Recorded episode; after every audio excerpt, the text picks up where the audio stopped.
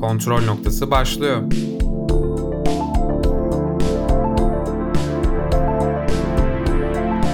Hoş geldiniz. Kontrol noktasından herkese merhaba. Ben Görkem Öztürk ve bugün Volga Deniz Demirbağ ile birlikte Jojo Rabbit filmini konuşacağız.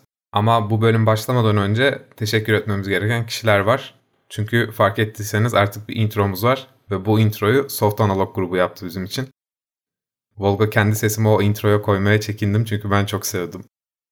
Hani tanıdığım için de demiyorum Soft Analog grubunu ama ben çok başarılı bir grup olduğunu düşünüyorum. Sağ olsunlar bizim için intro ve outro yaptılar. Dediğin gibi yani ne diyelim. Ben onlara buradan mor kalp emojisi yolluyorum. mor kalp emojisi ve diğer bütün kalpleri ben de yolluyorum. Çok güzel yaptılar gerçekten. Şimdi normalde her bölüm bir şarkı öneriyoruz. Bölümün sonunda yapıyoruz bunu. Eğer Sultanolog belki bizi şu anda dinliyorsa diye bu bölüm en başta yapacağız. Bu bölümkü şarkı önerisi Soft Analog'dan Boşluğun İçinde şarkısı. O zaman ben de artık Jojo Rabbit'e geçiyorum. Kontrolpod.com bakma muhabbetini biliyorsunuz. Reklam kısmını bu cümleye yedireyim dedim ki tatlı olsun. Evet Volga, spoilersız olarak Jojo Rabbit'i nasıl buldun? Bana kalırsa bu filme dair söyleyeceğim şey tek kelime tatlılık olurdu. Güzel bir screenplay, beni tatmin etti. Bir 1917 değil ama kesinlikle güzel olduğunu düşünüyorum. Savaş filmlerinden bıktım artık deyip bir İkinci Dünya Savaşı filmini bu kadar beğenmemeye hala çok şaşıyorum. Benim Oscar'da ikinci favorim buydu açıkçası söylüyorum zaten. Ki bir savaşı daha ne kadar vurucu anlatabilirsin bilmiyorum. Konusundan spoilersız bir şekilde bahsetmedik. Ondan bahsedelim istersen. Film kısaca savaşın sonunu anlatıyor ve bunda bir çocuğun gözünden anlatıyor. Aslında bir çocuğun gözünden çok kara mizah bir şekilde anlatıyor. Çok alaycı anlatıyor. Adolf Hitler'i idealize etmiş bir çocuğu anlatıyor. O idolünün nasıl oluştuğunu ve nasıl bu idollerin yıkıldığını işliyor film. Bence bu pek bir spoiler değil çünkü idoller genelde yıkılır ve Adolf Hitler gibi bir idol yani genelde yıkılır. Umarım yıkılır. Bir Amerikan yapımı filmde Adolf Hitler'in zaten yıkılması gerekiyor. Taika Waititi aslında Adolf Hitler'i de kendisi oynuyor. Bu çok acayip. Hem filmin yönetmeni hem de oyuncusu yani. Tatlı bir cameo diyebiliriz. O zaman artık spoilerlı olarak konuşmaya başlayalım. Kısacası bu filmi ikimiz de çok beğendik ve izlemenizi öneririz. Şimdi önce şuna başlayalım o zaman Görkem. Bir İkinci Dünya Savaşı filminde çokça rastladığımız bazı olaylar bu filmde de var. Alman bir ailenin evinde sakladığı bir Yahudi. Şimdi bu çok klasik. Benim fikrim bu tür filmlerde artık senaryona ve görüntülerine güvenmiyorsan bu tür klasik e, fikirleri ortaya atmaman ve bunları göstermemen. Ama ben senaryolarına ve görüntülerine güvenerek yaptıklarını düşünüyorum ve altından da kalkmış olduklarını düşünüyorum. Bence Adolf Hitler'in böyle işlendiği bir film daha önce olmadı. Ki ben bunu çok beğendim. Hatta pek çok noktada görsel olarak dalga geçiyor. İlk sahnede görürsünüz. Adolf eğildiği zaman gözlerinde mavi lens var. Alman ırkında hani sarı saç mavi göz olayından ötürü lens takmış. Filmin en sonunda artık o idol yıkılmaya başladığında lensin biri düşüyor. Ama film bunu şey yapmıyor. Aa lensim düştü falan diyalogla vermiyor. Sadece görsel. Onu fark etmiyorsanız gidiyor. Evet filmde gerçekten bazı tatlı detaylar vardı. Eğer dinlediyseniz Birds of Prey bölümümüzdeki filmin bağlantı noktası bir sandviçti. Bu filmdeki bağlantı noktası da ayakkabı bağcığı olduğunu düşünüyorum. Çok minik bağlantılar var ve film tam bir hippie filmi. Bunu bir kabul edelim. Bir yerde örneğin işte aşık olduğunda midende kelebekler uçar diyor. Sonra onu gerçekten böyle veriyorlar. Ben çok tatlı ve komik buldum orayı. Sonra dans mevzusu zaten filmin kapanışı ki onu daha detaylı konuşuruz. O da bağlanıyor. Gerçekten aşama aşama her diyaloğu ileride kullanıyor. Farklı bir açıdan baktıkları için altından çok güzel kalkmışlar. Çok başarılıydı Abartıyı bence. da çok kullanıyor. Zaten film direkt Heil falan diyerek herkesi selamlamasıyla başlıyor Jojo'nun.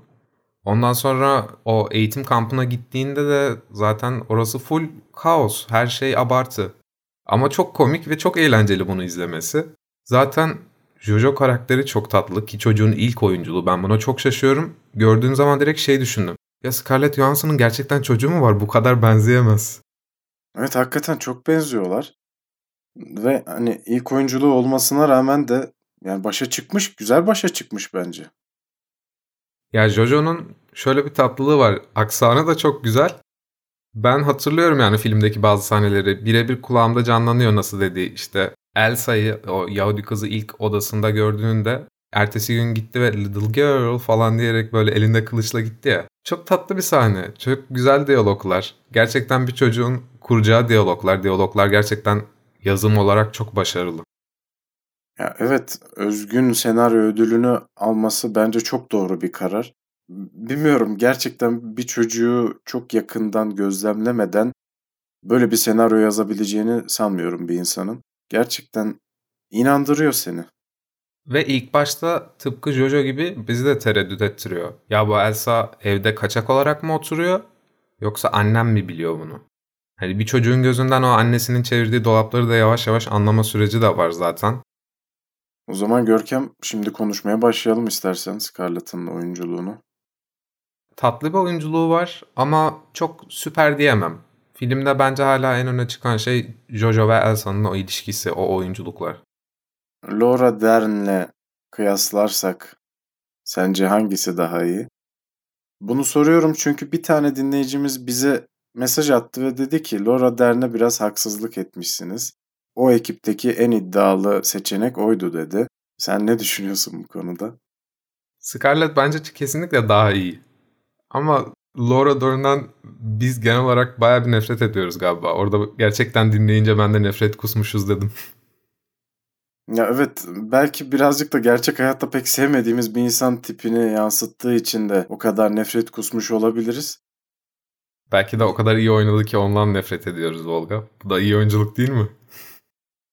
Evet bunu hiç düşünmemiştim ama olabilir aslında şimdi düşününce de mantıklı gelmedi değil. Peki o zaman filme birazcık daha dönelim. Scarlett'in veya Elsa'nın bu filmde birinin öleceği bence en başından belliydi. Çünkü bir İkinci Dünya Savaşı filmi Yahudiler evde saklanıyor kesinlikle birileri ölecek. Ben açıkçası Elsa'nın ölebileceğini düşünüyordum. Ama Scarlett'in ölümü ve o sahne o kadar duygusal ve o kadar güzeldi ki kalkıp hiçbir şekilde gereksiz müzik yoktu. O sahnenin ana olayı sessizlikti. Jojo zaten annesinin direnişçilere yardım ettiğini anladı.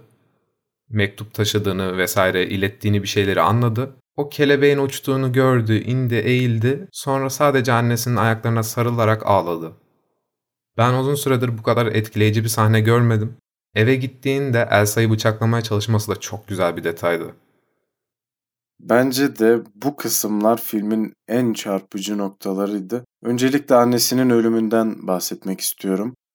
Oradaki mavi kelebek detayı bence çok önemliydi. Ben o mavi kelebeği gördüğüm anda anladım annesinin öldüğünü. Çünkü yanlış hatırlamıyorsam İkinci Dünya Savaşı zamanı öldürülen insanların cesetlerinden kaynaklı o çevrede bir anda mavi kelebeklerin türünün arttığı ortaya çıktı ve bunlar tamamlayamadım. Ben bu mavi kelebek olayını hiç bilmiyordum misal. O başlangıçta dediğin küçük detaylar mevzusu. Şu an filme olan saygım arttı daha da. İkinci çarpıcı noktası da annesinin ayaklarını gördük sadece. O ayakkabıyı zaten çoğu kez göstermişlerdi öncesinde. Bağcığını bağlamaya çalıştı. Yapamadı sonra ayağına sarıldı. Çok tatsız bir olaydı ya. Çok etkileyiciydi gerçekten. O asılan adamlar mevzusu da çok başlangıçta minicik değinilen bir şeydi. Sonradan her gösterdiğini bağlıyor dediğimiz işte bu. Ben izlerken iki noktada farklı şeyler çekerdim dedim. Bir tanesi de bu sahnede eve gittiğindeydi. Elsa'yı bıçaklaması yerine sanırım ben direkt olarak yere yatıp ağladığı, bakışıp her şeyi anladıkları bir sahne çekerdim. Böyle tepeden Jojo hüngür hüngür evde ağlardı, yalnızlığını verirdim. Gerçekten öyle bir sahnede çok vurucu olurdu. Yine de memnunum. Özellikle bıçaklamaya çalışması ve yere yıkılışı. Bir nokta daha var beni etkileyen. Almanya'nın savaşı kaybettiğini Jojo öğrenip Elsa'ya bunu söylemek için kapısını tıklattığında ve Elsa'ya yalan söylediğinde bir sonraki kızın kapısına gittiğinde bir sessizlik vardı. Orada Elsa'nın ölmüş olabileceği twistini ben yedim biraz. Acaba savaşı kaybetti, bütün umudu bitti ve intihar etti. Sen ne düşünüyorsun orada?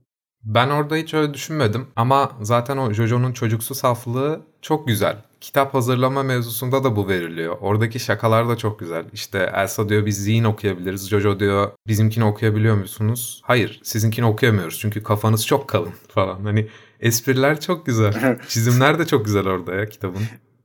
Senaryodan kaynaklı yine. Hakikaten çok başarılı bir senaryo. Uzun zamandır bu kadar kaliteli senaryolu bir film izlememiştim. Onun dışında şu geldi aklıma Görkem. Elsa çocuğun kardeşinin rolüne geçtiğinde ve doğum tarihini yanlış söylediğinde Alman subay laf etmedi. Orada direkt benim aklıma piyanistteki o sahne geldi. Sam Rockwell oynuyordu o karakteri Alman subayını. İlk başta gördüğümüzde ben kampta tanıdığımızda onu ha tamam bu direktman kör kütük bir Alman askeri demiştim. Çok farklı bir noktaya girdi sonradan. Bunu da çok beğendim. Bir de orada alt askerle bir eşcinsel ilişkisi var gibi garip çok minik bir muhabbet hissettim. Zaten o da biraz şey bir insan hani dönemine göre ileri bakış açısı farklı bir insan belli. Kıyafetini çizmişti böyle. Sonrasında en sondaki savaşta da gördük onu zaten. Hakikaten fikrini de gerçekleştirmiş. Makyajlı falan değişik bir şekilde çıktı. Çocuğumuzun da hayatını o kurtardı. O sahne çok vurucu değil miydi değil. Olga? Evet, evet. O, o gerçekten çok Yani sevdiğini ya. kurtarmak için bağırıyorsun, bile. defol git diyorsun yani. Ama hiçbir şey yapamıyorsun sevdiğini göstermek için. O gerçekten başta düşünemeyeceğimiz ama sonrasında tamamıyla farklı bir açıya yönelmiş bir karakterdi bence Usubay. Filmdeki çok akılda kalıcı sahnelerden biri de kamptaydı. Jojo gaza gelip el bombasını fırlattı sonra kendinde patladı ya. Gerçekten çok komik bir sahneydi. Ben orada şeyden çok korktum. Ya gerçekten film bundan sonra bambaşka bir noktaya gidebilir. Niye böyle bir şey yapıyorlar vesaire dedim. Dram noktasına geçmedikleri için çok mutluyum. Bir anda ton değişimi görebiliriz Parazit'teki gibi dedim. Ya ben senin düşündüğün gibi düşündüm. Bir yerde hatta dedim ki böyle yaralarıyla iyileşmiş bir şekilde ileriye büyümüş haline atlayacak mı acaba diye bir düşünce geldi kafama. Ama o noktaya gelmemesi beni de çok mutlu etti tatlı bir standardı var ve onu hiçbir şekilde bozmuyor. Zaten o yüzdeki yaralar o el bombasına göre olması gerektiğinden çok daha hafif. Ki iyi ki öyle olmuş. Biraz o yani filmsi evet. masallık benim hoşuma gidiyor. Filmde zaten genel olarak bir masalsı ton da var. Şimdi ona geçmek istiyorum. Jojo Rabbit hani o Rabbit yani tavşan lakabını alması Bence çok güzel. Hatta onu bir yerde bahsediyordu annesiyle. Ben tavşan olmak istemiyorum diyordu. O da neden olmak istemiyorsun ki? Onlar aileleriyle iyidirler, bakarlar. Bence olmak güzel bir şey diyordu. Ki orada Alice Harikalar Diyarı'ndaki beyaz tavşan muhabbeti alt metin olarak var bence. Olabilir. Ben de şöyle düşündüm. Annesiyle yapmış olduğu tavşan muhabbetiyle Adolf Hitler'le yapmış olduğu tavşan muhabbeti arasında bir seçim yapmış olduğu gibi düşündüm. Ben onu hep kendi açımdan şöyle yorumladım. Alice Harikalar Diyarı'nda Alice beyaz tavşanı takip eder. Ondan sonra biraz ukala çocuk olan o Alice Harikalar Diyarı'na girdikten sonra akıllanır, büyür, gelişir. Jojo da tavşan olmayı kabul ettikçe, bunu benimsedikçe biraz uyanıyor. Elsa'ya karşı bakış açısı değişiyor. Bunu kendi de kabul ediyor sonradan. Ve çevresindeki o kurt gibi, çakal gibi insanlara özenmiyor artık olduğu şekliyle mutlu oluyor. Follow the White Rabbit. Peki filmdeki diğer bir vurucu sahne daha var aklımda. Evi aramak için geldiklerinde uzun simsiyah giymiş adamlar. Selamlaşma kısmıyla ilgili o şaka çok güzel değil miydi? Teker teker hepsine Heil Hitler demeleri. Evet yani gerçekten onu çok uzatmışlar ama uzatma mizahı bizim ülkemizde çok kötü kullanılıyor genel olarak. Burada çok tatlıydı ya çok güzeldi. Ya uzatacaksan böyle uzat değil mi? Ya biliyorsun hepsini teker teker selamlayacak biliyorsun. Bildiğin şey sana komik gelmeyebilir bazen ama bunun düşüncesi bence komikti. Güzel ya böyle olmuş. bazen despot bir şey ortaya çıktığında kuralları uygulaman gerekiyor. Bir de zaten genelde o devlet işleyişi yavaştır ve uzundur ya. Bana hep onu böyle gördükçe hatırladım. Beklediğim kuyruklar aklıma geldi. Bu tarz adamlar oturuyor çünkü oralarda. Ah o beklediğimiz kuyruklar Görkem ikinci yeni şarkısı gibi. Bu arada Softanolo teşekkür ederiz. Onlar da artık ikinci yeni playlistine girer umarım. Ya da dördüncü müydü Spotify'daki neydi? Üçüncü yeni.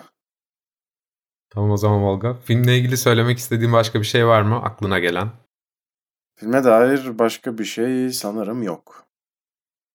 Her salı yeni bir podcast yüklüyoruz. Bunu unutmayın. Ve yeni podcast'imizin konusu şu anda belli değil. Belli olunca bunu Instagram biyomuzdan yazıyoruz. Instagram'dan bizi takip edebilirsiniz.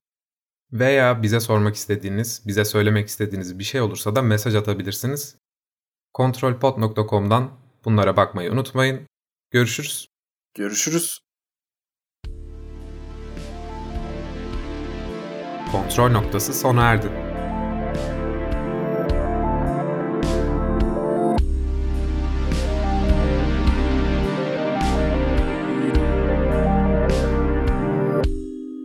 Hoşçakalın.